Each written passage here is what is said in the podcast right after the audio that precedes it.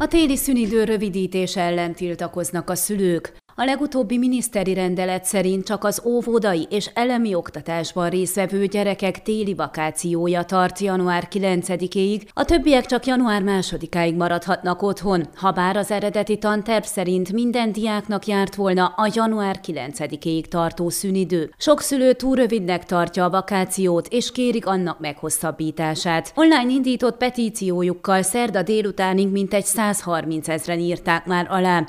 Összesen 200 ezer szignóra számítanak, kérelmüket eljuttatják az oktatási tárca illetékeseihez is. Azt kérik, hogy az Oktatási Minisztérium vegye figyelembe a gyerekek szabadidőre, pihenésre és koruknak megfelelő játékidőre vonatkozó jogait, amelyet az ENSZ által 1989-ben elfogadott gyermekjogi egyezmény biztosít. Többek között azt is megfogalmazzák, hogy sok családban van két vagy több gyerek, akik más-más iskolai szakaszban vannak, és megnehezíti a család hétköznapjait, ha az egyik gyerek egy héttel hamarabb tér vissza az iskolapadba. Továbbá sokan már lefoglalták és előleget fizettek a téli vakációban esedékes utazásokra, de ha a gyerek visszatér az iskolába, le kell mondaniuk az utazást. A fél év vége nehéz a tanulók számára, hiszen tele van tesztekkel, dolgozatokkal, mindezt a fél év rövidsége miatt felpörgetett tempóban. Ezért egy hosszabb vakáció, amelyben elegendő idő van pihenésre és kikapcsolódásra, házi feladatok nélkül,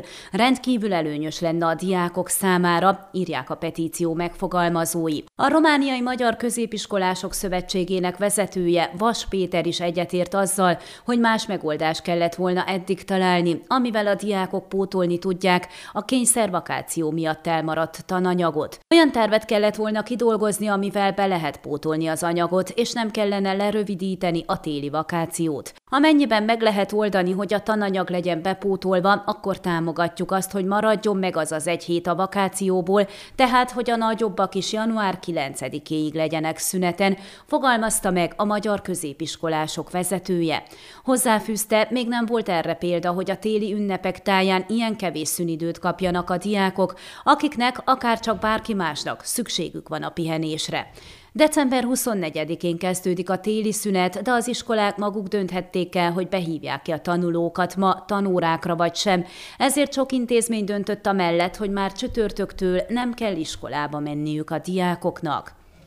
Ön a Székelyhon aktuális podcastjét hallgatta. Amennyiben nem akar lemaradni a régió életéről a jövőben sem, akkor iratkozzon fel a csatornára, vagy keresse podcast műsorainkat a székelyhon.pro portálon.